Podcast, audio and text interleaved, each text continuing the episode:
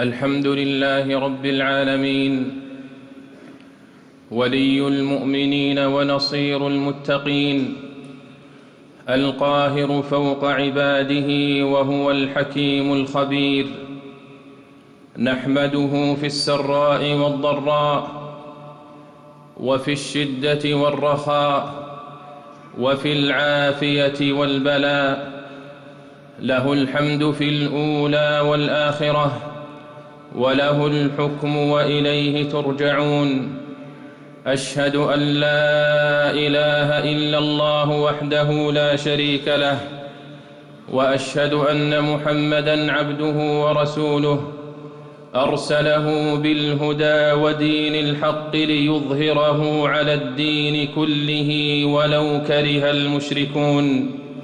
صلى الله عليه وعلى آله وأصحابه ومن تبعهم بإحسان إلى يوم الدين وسلم تسليما كثيرا. أما بعد فاتقوا الله عباد الله وأطيعوه وإياكم واليأس من روحه سبحانه أو القنوط من رحمته فإنه لا ييأس من روح الله إلا القوم الكافرون. معاشر المسلمين إن الامتحان والابتلاء سنة من سنن الله سبحانه في هذا الكون هو الذي خلق الموت والحياة ليبلوكم ومقتضى من مقتضيات حكمته عز وجل في الصراع بين الحق والباطل للتمييز بين الصادقين والكاذبين أحسب الناس أن يتركوا أن يقولوا آمنا وهم لا يفتنون ولقد فتنا الذين من قبلهم فليعلمن الله الذين صدقوا وليعلمن الكاذبين وهو تمحيص واختبار لقياس مدى قوة ورسوخ الإيمان واليقين وتصفية للمندسين في صفوف المؤمنين. ما كان الله ليذر المؤمنين على ما أنتم عليه حتى يميز الخبيث من الطيب. ومنهج تربوي ينقذ الله به من كتب له حظ من الهداية فيستيقظ من غفلته ويقبل على ربه ويعود إلى دينه. عباد الله وفي خضم الامتحانات والابتلاءات قد يعظم الخطب ويشتد الكرب ويتأخر الفرج حتى تخيم ظنون اليأس والقنوط. أم حسبتم أن تدخلوا الجنة؟ ولما يأتكم مثل الذين خلوا من قبلكم مستهم البأساء والضراء وزلزلوا حتى يقول الرسول والذين آمنوا معه متى نصر الله وهنا يتحتم اللجأ إلى الله وحسن الظن به فعنده من كل ضيق مخرجا ومن كل هم فرجا وهو عند حسن ظن عباده المؤمنين فلا يخيب من أحسن الظن به. معاشر المسلمين إن بث الطمأنينة والبشرى وبعث الأمل في القلوب ساعة القلق منهج قرآني وهدي نبوي. قال تعالى لموسى وهارون عليهما السلام أمام طغيان فرعون لا تخافا إنني معكما أسمع وأرى. وقال يوسف عليه السلام لأخيه بعدما حل بهم من البلاء إني أنا أخوك فلا تبتئس. وقال شعيب لموسى عليه السلام وقد ائتمر على قتله وخرج خائفا يترقب لا تخف نجوت من القوم الظالمين. وقال نبينا محمد صلى الله عليه وسلم لصاحبه أبي بكر الصديق رضي الله تعالى عنه وهما في الغار يا أبا بكر ما ظنك باثنين الله ثالثهما؟ لا تحزن إن الله معنا. في غزوة بدر كان عدد المسلمين ثلاثمائة وبضعة عشر وعدد المشركين ثلاثة أضعاف وكان القلق يتوجس جيشا غير مستعد للحرب ولا كامل العدد والعدة وهو يترقب قوى شرسة مضاعفة. قد أخذت كامل عدتها وعتادها وفي هذا الجو وهذه الظروف تتنزل الآيات القرآنية لتبث الطمأنينة وتحيي الأمل في نفوس المسلمين وتحفزهم وترفع معنوياتهم وتحدوهم إلى المواجهة. واسمعوا لقول الله تعالى مخاطبا رسوله صلى الله عليه وسلم إذ يريكهم الله في منامك قليلا ولو أراكهم كثيرا لفشلتم ولتنازعتم في الأمر ولكن الله سلم إنه عليم بذات الصدور وإذ يريكموهم إذ التقيتم في أعينكم قليلا ويقللكم في أعينهم ليقضي الله أمرا كان مفعولا وإلى الله ترجع الأمور يقول عبد الله بن مسعود رضي الله تعالى عنه لقد قللوا في أعيننا حتى قلت لرجل إلى جانبي تراهم سبعين؟ قال أراهم مئة.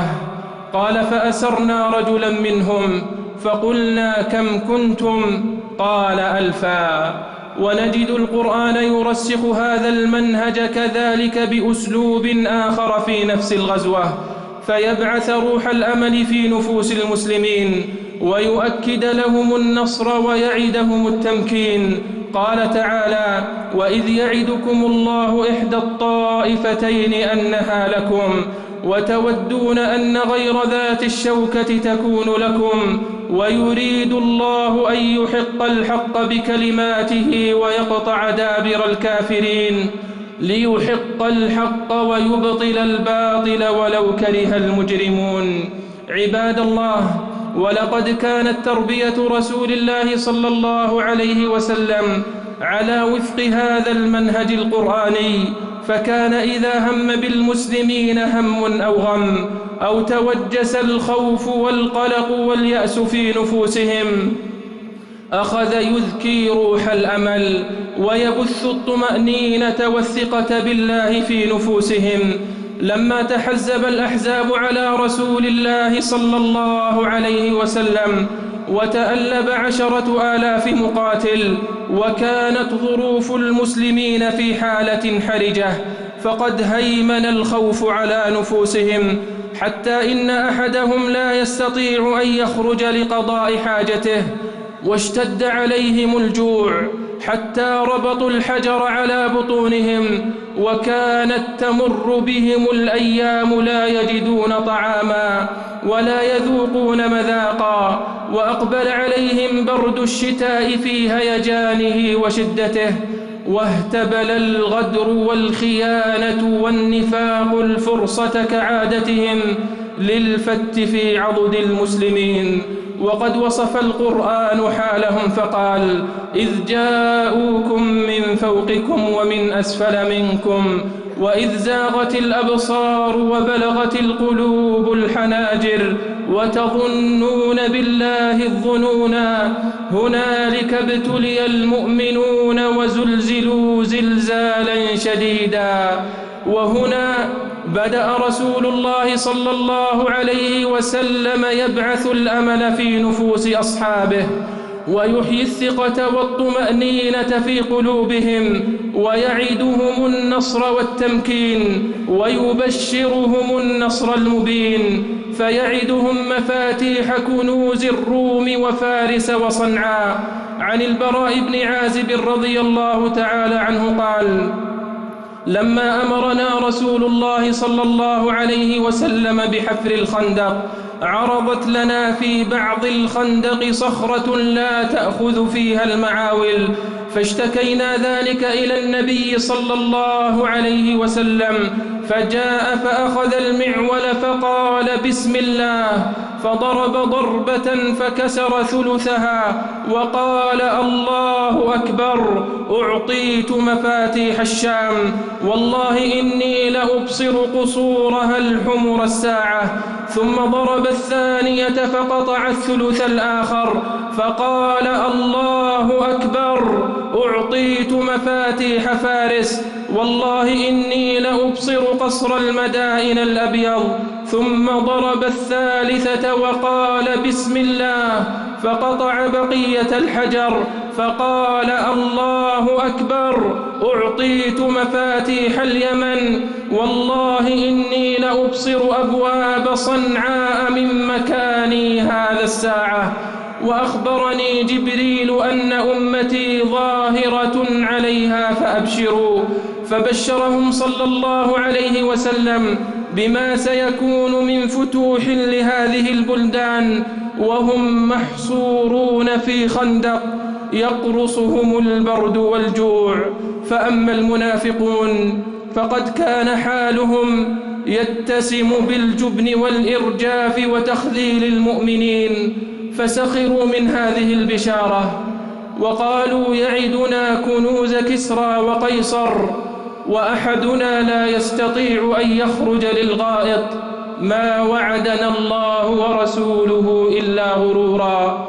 وأما المؤمنون فاطمأنوا وقالوا هذا ما وعدنا الله ورسوله وصدق الله ورسوله وما زادهم إلا إيمانا وتسليما.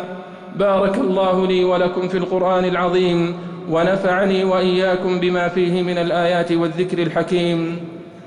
قلت ما سمعتم وأستغفر الله العظيم الجليل لي ولكم ولسائر المسلمين من كل ذنب فاستغفروه إنه هو الغفور الرحيم.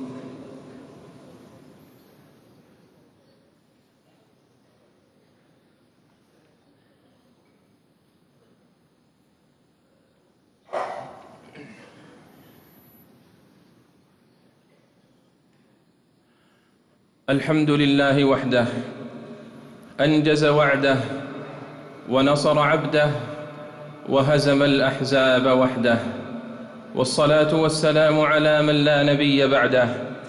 معشر المسلمين اعلموا أن الله كتب الغلبة لهذا الدين وأهله ووعد بنصره للمسلمين فقال كتب الله لأغلبن أنا ورسلي إن الله قوي عزيز. وقال يا أيها الذين آمنوا إن تنصروا الله ينصركم ويثبت أقدامكم. وقال ولينصرن الله من ينصره. إن الله لقوي عزيز. ولو تخلى المسلمون عن نصرة دينهم فإن الله سينصر دينه.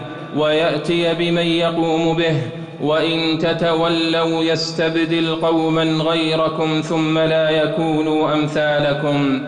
يا أيها الذين آمنوا من يرتد منكم عن دينه فسوف يأتي الله بقوم يحبهم ويحبونه. أذلة على المؤمنين أعزة على الكافرين. يجاهدون في سبيل الله ولا يخافون لومة لائم. ومهما تقلبت الأسباب وتغيرت الأحوال وتبدلت فإن المسلمين في خير دائم والعاقبة للمتقين. صح عن النبي صلى الله عليه وسلم أنه قال عجبا لأمر المؤمن إن أمره كله له خير وليس ذلك لأحد إلا للمؤمن. إن أصابته سراء شكر فكان خيرا له وإن أصابته ضراء صبر فكان خيرا له.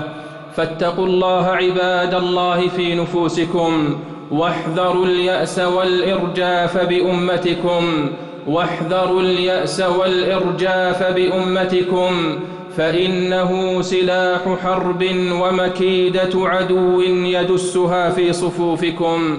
فأبشروا وأملوا فأبشروا وأملوا وثقوا بالله فأنتم الأعلون. ولقد سبقت كلمتنا لعبادنا المرسلين إنهم لهم المنصورون وإن جندنا لهم الغالبون. ولا تغرنكم هيمنة قوى الباطل فإن الله غالب على أمره. ولو كره الكافرون. اللهم أعز الإسلام والمسلمين. اللهم أعز الإسلام والمسلمين. وأذل الشرك والمشركين. وانصر عبادك الموحدين. واجعل اللهم هذا البلد آمنا مطمئنا وسائر بلاد المسلمين.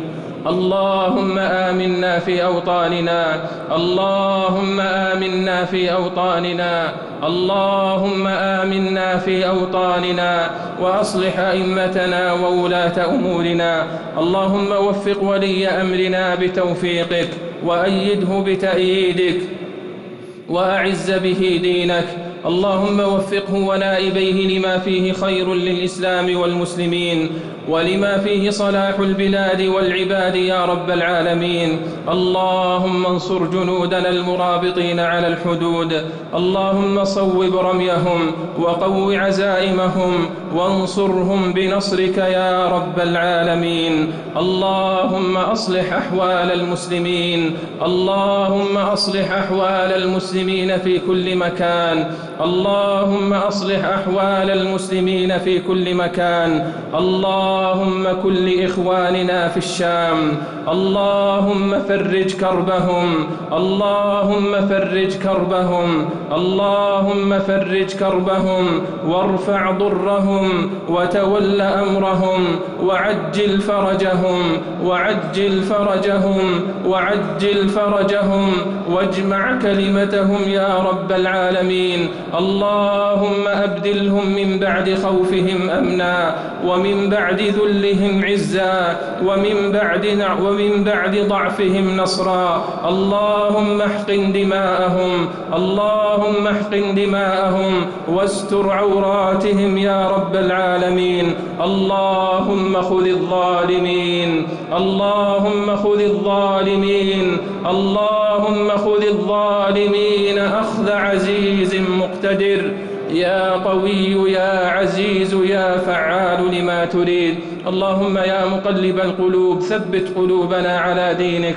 اللهم يا مصرف القلوب صرف قلوبنا على طاعتك. برحمتك يا أرحم الراحمين. عباد الله إن الله وملائكته يصلون على النبي. يا أيها الذين آمنوا صلوا عليه وسلموا تسليما. اللهم صل وسلم على نبينا محمد وارض اللهم عن خلفائه الراشدين المهديين أبي بكر وعمر وعثمان وعلي وعن سائر الصحابة أجمعين وعنا معهم برحمتك يا أرحم الراحمين.